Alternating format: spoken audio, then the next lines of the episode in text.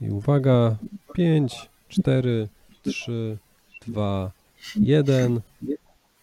Dzień dobry. Rzecz o polityce. Zuzanna Dąbrowska. Dzisiaj moim gościem jest e, senator Marek Borowski, Koalicja Obywatelska. Dzień dobry, panie senatorze. Dzień dobry. Czy y, mamy do czynienia z bezprzykładnym atakiem na prezydenta stolicy, który jest politykiem Koalicji Obywatelskiej, czy też tenże prezydent idąc do klubu e, i żądając, domagając się zmiany muzyki, mówiąc to moje miasto, ośmieszył się i skompromitował? Bo takie, e, jak teraz się mówi, narracje występują w mediach. Co pan o tym sądzi? No nie, no, Trzaskowski ma wyraźnie pecha.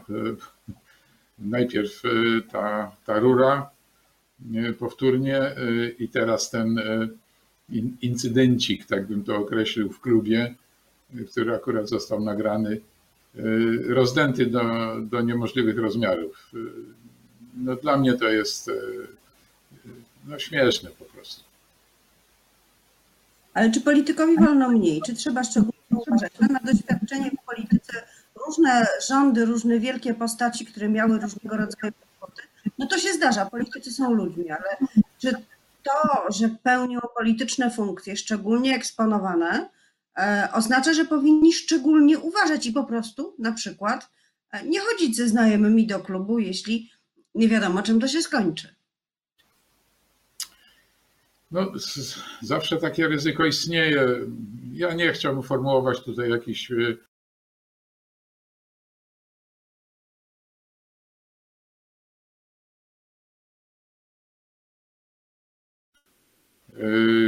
Trudno sprawy tego mówić.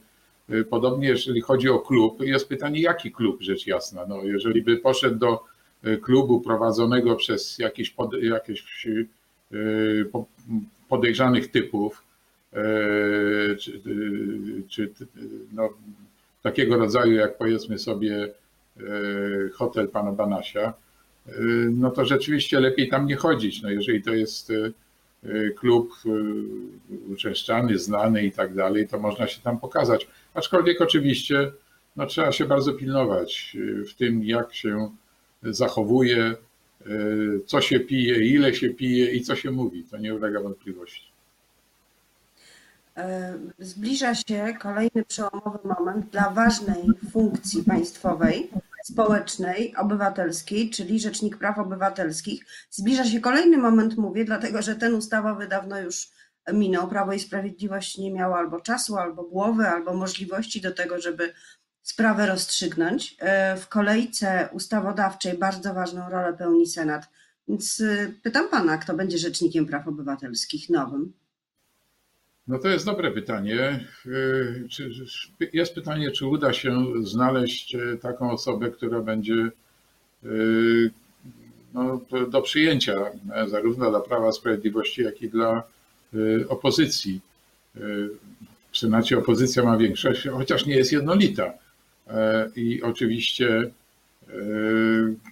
jakaś kandydatura może być do przyjęcia przykładowo dla, dla PSL-u i dla PiSu i to oczywiście może dać większość w Senacie. Ta pani, która jest obecnie taką wstępną kandydatką, która no, pracowała, pracuje nadal z Bodnarem, moim zdaniem jest kandydatką świetną, no ale jak widać dla Prawa i Sprawiedliwości chyba jeszcze nie całkiem, więc poszukiwania trwają pojawiają się nazwiska bardziej polityczne. Mówi się na przykład o pani senator Lidii Staroń, senator niezależnej, która, e, której sympatie podobno bardziej ciążą w stronę PiSu. E, czy to by była kandydatka do przyjęcia dla większości senackiej? Staroń z, z racji swoich poglądów, aczkolwiek jest senatorem, nieza, senatorką niezależną, to faktycznie e, jest związana e, z PiSem. E, I w tej sytuacji nie sądzę, żeby była do zaakceptowania przez 51 senatorów, którzy mają większość w Senacie. Ale być może trzeba będzie, i myślę tutaj o koalicji obywatelskiej i w ogóle opozycji szerzej, szukać tak zwanego mniejszego zła, bo na horyzoncie majaczy kandydatura, która podobno zyskuje coraz większe poparcie w Prawie i Sprawiedliwości, a nawet poza Prawem i Sprawiedliwością, czyli Marek Jurek.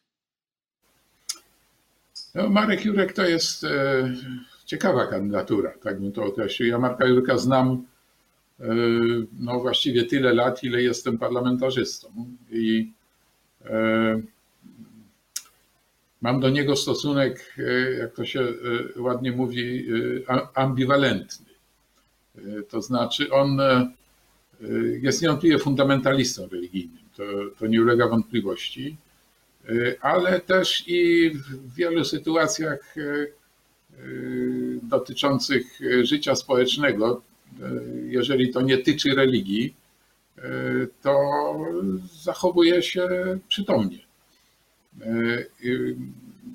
Być może byłby w stanie w tych kwestiach religijnych no, przyjąć do, do wiadomości, że Polska składa się z, z obywateli wierzących, różnie wierzących, trochę wierzących i niewierzących.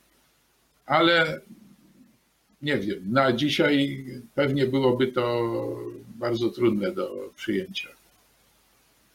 A czy wyobraża Pan sobie taką większość, Prawo i Sprawiedliwość, posłowie Koalicji Polskiej, na przykład z Kukiz 15 plus Konfederacja i taka większość wybiera Rzecznika Praw Obywatelskich? W Sejmie tak. Z tym, że w Sejmie. Tak, potem. Prawo i Sprawiedliwość oczywiście nie potrzebuje PSL-u czy Koalicji Polskiej do wyboru E, ale oczywiście może chcieć to uczynić po to, e, żeby następnie w Senacie uzyskać większość dla takiej kandydatury. No ale mm, jeśli chodzi o senatorów, e, senatorów PSL-u w Senacie, to to jest dosyć zróżnicowana grupa. To znaczy, mamy tam typowego PSL-owca, jednego, jakim jest pan senator Ryszard Bober. Mamy Michała Kamińskiego, który no, przyszedł w ogóle skądinąd i senatora Libickiego, y, który przyszedł z Platformy Obywatelskiej. Więc tam byłoby chyba trudno wymusić dyscyplinę głosowania. No, musiałby być to kandydat, który tam by się wszystkim podobał całej trójce. Senator Libicki, senator Libicki mówi, że jest przekonany, więc jedna trzecia pracy została, e, została chyba wykonana. No, jeżeli tak, no to pewnie reszta nic na to nie poradzi. No, ja mogę tylko tyle powiedzieć. Patrzę na to realistycznie. Koalicja Obywatelska mm, Rzeczpospolita pisała e, niedawno, że układa się e, od nowa, od początku e, wewnętrzne zmiany. Przede wszystkim chodzi o kierownictwo klubu parlamentarnego i o to pojawiła się nadzieja. Cezary Tomczyk podobno zgodził się kandydować. Czy to uspokoi nastroje, jeśli władza w Platformie zostanie podzielona? Borys Budka zostanie przewodniczącym partii e, Platformy Obywatelskiej, e, a Cezary Tomczyk będzie szefem klubu i da to Platformie nowy oddech, nowy impuls, energię? Ja kocham takie e, dyskusje i takie tezy, że trzeba na przykład kogoś wybrać, co się uspokoi, coś rozdzielić, co się znowu uspokoi i tak dalej. Uspokoi się wtedy, jak każdy będzie wiedział, co ma robić. I przede wszystkim, jak Platforma będzie wiedziała, co ma robić. Y, jak Platforma będzie miała y, program długofalowy, y, z którym pójdzie do ludzi. To jest kolejny mit, na przykład mówi się, trzeba odzyskać miasteczka powiatowe, trzeba iść do ludzi. Fajnie. Tylko ja pytam, ale z czym? Z jakim tematem? czy w dalszym ciągu z antypisem, y, no to na spotkania o antypisie przychodzą ci, którzy są y, y, antypisowscy. i tam sobie razem możemy porozmawiać na temat tego, czy y, dostatecznie mocno reagujemy, czy dowalamy, czy nie. To już było. To dało 10 milionów przeciwko 10,5. Więc naprawdę sam wybór przewodniczącego jest oczywiście konieczny, absolutnie. Ta kandydatura, jeżeli Cezary Tomczyk rzeczywiście jest kandydatem, jeżeli się zgodzi, uważam, że jest kandydaturą, powiedziałbym, wybieralną. No, Cezary Tomczyk jest człowiekiem młodym, wydaje mi się aktywnym, ale to samo nie wystarczy. Pytanie, co, co, co co zrobi, jaki ton nada klubowi, co ten klub będzie robił. Powiedział Pan 10,5 miliona przeciwko 10 milionom. Nawet dojrzałe demokracje y, parlamentarne często są e, tak zaskorupiałe w swoich wielkich liczbach i jeżeli władza się zmienia z jednej partii bardziej prawicowej E, przechodzi do drugiej partii, bardziej lewicowej albo centrowej, to właśnie stanowi te pół miliona głosów, czasem 300 tysięcy nawet, e, nawet przy wielkiej liczbie mieszkańców. Tak na przykład jest w Hiszpanii, przez lata długo tak było, że na PSOE i PP głosowało po 10 milionów ludzi i te, ten, ta końcówka decydowała o tym, kto rządzi. E, jaki pomysł można mieć, z której półki by dotrzeć do ludzi, którzy zagłosowali na Prawo i Sprawiedliwość nie z przyczyn fundamentalnych, tylko z przyczyn e, rozpoznanego w jakiś sposób interesu, nie wiem, czy ekonomicznego, socjalnego, e, czy Platforma może taki pomysł zdobyć, czy ta formuła się nie wyczerpała? Nie, nie sądzę, że się wyczerpała formuła, no bo e, przede wszystkim jaka formuła? Platforma w tej chwili jest partią, która nie ma długofalowego programu, więc trudno mówić o jakiejś formule. Kiedyś to była partia silnie tak zwana liberalna ekonomicznie, także z pewnymi elementami liberalizmu w tak zwanej nadbudowie kulturowego, chociaż nie do końca. Tam była wtedy mowa o szybkiej prywatyzacji, 3 razy 15, przypomnę, niskie podatki. To była formuła. Ta formuła z pewnością się wyczerpała już dawno, ponieważ okazała się nieadekwatna do, do potrzeb. Platforma zaczęła, zaczęła ewoluować,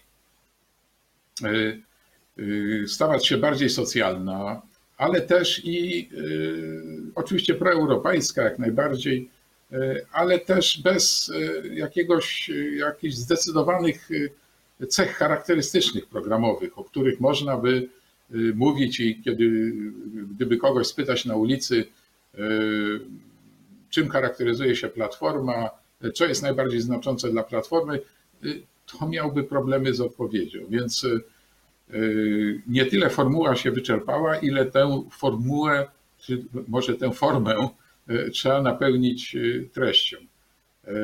Co jest możliwe? No, trzeba popatrzeć na to, jakie są niedomagania w Polsce dzisiaj i jakie w przyszłości się szykują. To są oczywiście sprawy demograficzne, sprawy klimatu, sprawy na przykład opieki nad seniorami, mówię w tej chwili o części socjalnej, ale to są sprawy edukacji, jak powinna nowoczesna edukacja wyglądać, sprawy zdrowia. Wydaje mi się, że takich tematów jest więcej. Y, y, I w każdym z tych tematów trzeba zaprząc do pracy ekspertów, trzeba opracować pewien program długofalowy i jemu podporządkować działania krótkofalowe. I z tym dopiero można iść do różnych klubów obywatelskich, że tak powiem, do, do ludu pracującego miast i wsi. Natomiast opowieści o tym, że zmienimy tam szefa, pójdziemy do ludzi i tak dalej. To jest przepis na, na bezwład i, i w zasadzie na, na powolne znikanie. A czy tym instrumentem, z którym się idzie do ludu pracującego, może być nowa Solidarność? Czy ten pomysł na ruch społeczny Rafała Trzaskowskiego już jest martwy? Ja od początku y, miałem wątpliwości i wyrażałem je także publicznie co do tego, że będzie się tworzył ruch obywatelski y, jakby przy jednej partii, akurat czy też przy koalicji obywatelskiej. Znaczy niepartyjny, pozapartyjny, niewątpliwie, y, ale no taki ruch obywatelski bardzo o nieokreślonym charakterze. Za, za, chwilę okazało się, że no, jak na razie główny pomysł to jest taki, że ci obywatele będą na przykład zbierać e, podpisy pod projektami ustaw, e, samorządowcy będą tam zaangażowani i tak dalej. Ma to jakiś sens oczywiście i na przykład e, szerszy, szerszy ruch obywatelski polegający na tym, że więcej projektów obywatelskich pojawia się w Sejmie, co utrudnia rządzącym chowanie ich do zamrażarki, to ma jakiś sens niewątpliwie, ale to jest trochę za mało. W mojej koncepcji powinno być inaczej. Powinno być tak, że Rafał Trzaskowski, który niewątpliwie ma tutaj szczególny mandat ze względu na swój wynik wyborczy i na to, że głosowali na niego wyborcy przecież różnych partii, że Rafał Trzaskowski powinien dojść do porozumienia i starać się dojść do porozumienia i z Hołownią, i z Lewicą, i z Kosiniakiem Kamyszem, E, i wspólnie e, opracowywać e, pewne, mm, jeśli nie ustawy, to w każdym razie założenia ustaw, a także pewne tezy co do rozwoju Polski, które następnie byłyby w tym szerokim ruchu obywatelskim, ale jakby niepartyjnym, któremu by patronowały wszystkie te ugrupowania, poddawane byłyby dyskusji w tym także projekty ustaw obywatelskich, oczywiście. Ale to powinno być robione wspólnie przez całą opozycję, a, a nie e, przez e, no, jednego, nawet e, tak popularnego, tak popularnego polityka jak Rafał Trzaskowski. Na koniec chciałam jeszcze zapytać o naprawianie błędów bardzo konkretne i to błędów nie jak to się zazwyczaj dzieje, kiedy Senat e, poprawia ustawy z Sejmu, tylko trzeba się cofnąć do e, kadencji e, Platformy Obywatelskiej, PSL-u, wieku emerytalnego. Dopiero dziś pewne błędy zostają naprawione. Pan był autorem projektu dotyczącego emerytur, tych wcześniejszych emerytur dla osób pracujących w szczególnych warunkach. Przedłożenie jest teraz w Sejmie. To i to taka ciekawostka, mianowicie poprzednio przyjęliśmy ustawę mm, o tak zwanych emerytkach 53 roku. To dotyczyło wyłącznie pań i panów e, urodzonych w 53 roku, e, którym emerytury, nie będę wchodził w szczegóły, którym emerytury po reformie emerytalnej z 2012 roku zaniżono, co zakwestionował później Trybunał E, konstytucyjny. Niestety za czasów Platformy, rządów Platformy Obywatelskiej i PSL-u tego nie naprawiono. PiS tego też nie naprawiał, mimo petycji i, i, i prób. E, dopiero e, Senat taką ustawę przygotował. Rząd się bronił, bronił, bronił przez rok. No w końcu przyjął i ta ustawa została wreszcie opublikowana. Natomiast pozostały jeszcze grupy z innych lat, które znalazły się w tej samej sytuacji, a byli to ludzie pracujący w szczególnych warunkach. Tę ustawę znowu Senat przyjął teraz, kilka dni temu, e, skierował do Sejmu. Co ciekawe, rząd znowu jest przeciw. E, no ale tu ciekawostka, mianowicie no ja jestem autorem tej ustawy, byłem sprawozdawcą i znalazłem, że tak powiem, w archiwum znalazłem interpelację pewnego posła e, Prawa i Sprawiedliwości, który w 2013 roku zwrócił się do rządu e, ówczesnego, zwracając uwagę na niekonstytucyjność e, tej ustawy, którą rząd przyjął i na problemy, jaką, jakie mają emeryci właśnie z tych lat, o których mówiłem. Dokładnie mówił to, co jest w tej ustawie, którą teraz przyjęliśmy. No i domagał się od rządu właśnie naprawy tego stanu rzeczy. E, tym, tym posłem Prawa i Sprawiedliwości był poseł Andrzej Duda. E, Zbieżność e, imienia i nazwiska nieprzypadkowa. E, Więc e, mm, powiedziałem z trybuny sejmowej, kończąc sprawozdanie na temat tej ustawy i starając się dotrzeć do serc i umysłów senatorów Prawa i Sprawiedliwości, powiedziałem, panie prezydencie, Senat wykonał zadanie, które pan zlecił. Głosowali? No, po siedmiu latach, po siedmiu latach, ale wykonał. Otóż chcę powiedzieć, że rząd ciągle przeciwny, a senatorowie PiSu wstrzymali się od głosu. Więc może jednak coś się uda zrobić.